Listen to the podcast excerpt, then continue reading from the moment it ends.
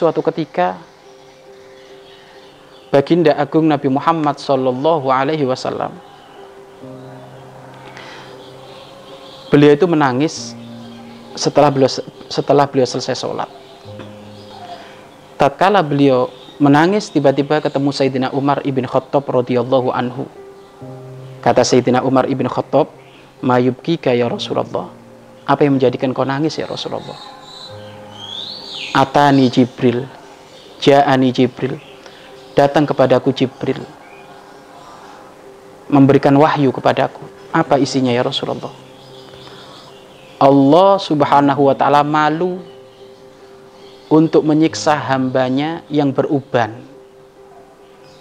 Allah subhanahu wa ta'ala malu menyiksa hambanya yang rambutnya beruban. Beruban ini menunjukkan usia tua. Allah malu. Kalau ada orang masuk neraka beruban itu Allah malu menyiksa. Akan tetapi, kenapa dari umatku dari umat baginda Nabi Muhammad Wasallam sudah beruban tidak tahu malu tidak ada rasa malu di saat maksiat kepada Allah. Padahal Allah mau nyiksa aja malu. Ibarat gak tega. Malu karena usianya tua. Lalu kenapa umatku umat baginda Nabi Muhammad tidak ada rasa malu tidak ada rasa iba tidak ada rasa takut di saat maksiat kepada Allah Subhanahu wa taala maka Umar ibn Khattab radhiyallahu anhu juga ikut menangis karena apa yang disabdakan oleh baginda Nabi Muhammad SAW. Maka ini adalah sebuah peringatan bagi kita bersama. Ayo, ya tentu memang urusan tobat jangan nunggu usia 40 tahun. Akan tapi setidaknya 40 tahun itu harus menjadi usia usia mawas diri kita, usia kematangan kita, usia yang sesungguhnya yang mau nggak mau kita harus sudah mulai fokus kepada rana rana kehambaan kita kepada Allah Subhanahu wa taala. Memang di dalam urusan tobat jangan nunggu usia 40 tahun. Tetapi kalau ada orang usia 40 tahun lah kok kebaikannya terkalahkan daripada kejelekannya ini bahaya ini. Bahkan Imam Ghazali rahimallahu taala di dalam kitabnya di dalam kitabnya beliau menyebutkan bahwasanya kalau ada orang yang mencapai usia 40 tahun kok kebaikannya terkalahkan daripada kejelekannya hadza min sahibi syaiton. Maka ini termasuk adalah temannya syaiton. Ini Imam Ghazali yang ngomong. Loh ya iya, sebentar lagi dia akan masuk wilayah wilayah usia tua. Kalau sudah tua ya otomatis oh, namanya hidup di dunia ini tidak abadi.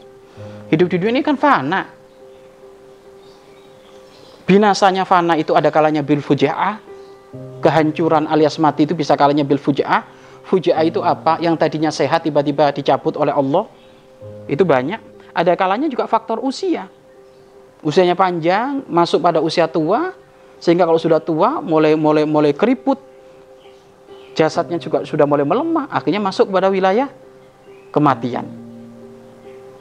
Makanya dari sini kita semuanya harus mawas diri.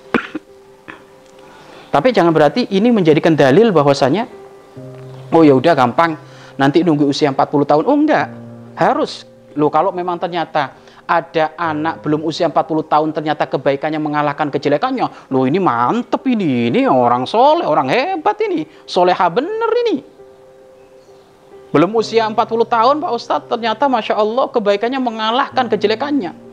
Kebaikannya berlipat-lipat ganda. Lebih banyak daripada kejelekannya. Wah ini hebat ini. Inilah orang soleh, inilah orang musleh. Orang yang dicintai oleh Allah Subhanahu wa taala. Akan tapi kenapa kok ada ada ada pembatasan titik poin kepada usia 40 tahun. Karena usia 40 tahun itu adalah usia usia kematangan diri. Ibarat kalau kalau kalau kalau kalau mau mau mau baik, mau baik, ya mau baik harusnya mulai dari awal. Tetapi kalau ternyata belum bisa baik, ya batasmu itu usia, usia 40 tahun. Jangan sampai usia 40 tahun ternyata engkau semakin nggak karu-karuan. Mudah-mudahan siapa pun yang masuk wilayah usia ini menjadi wilayah usia usia yang benar-benar ia menikmati fokus untuk ibadah kepada Allah Subhanahu wa taala.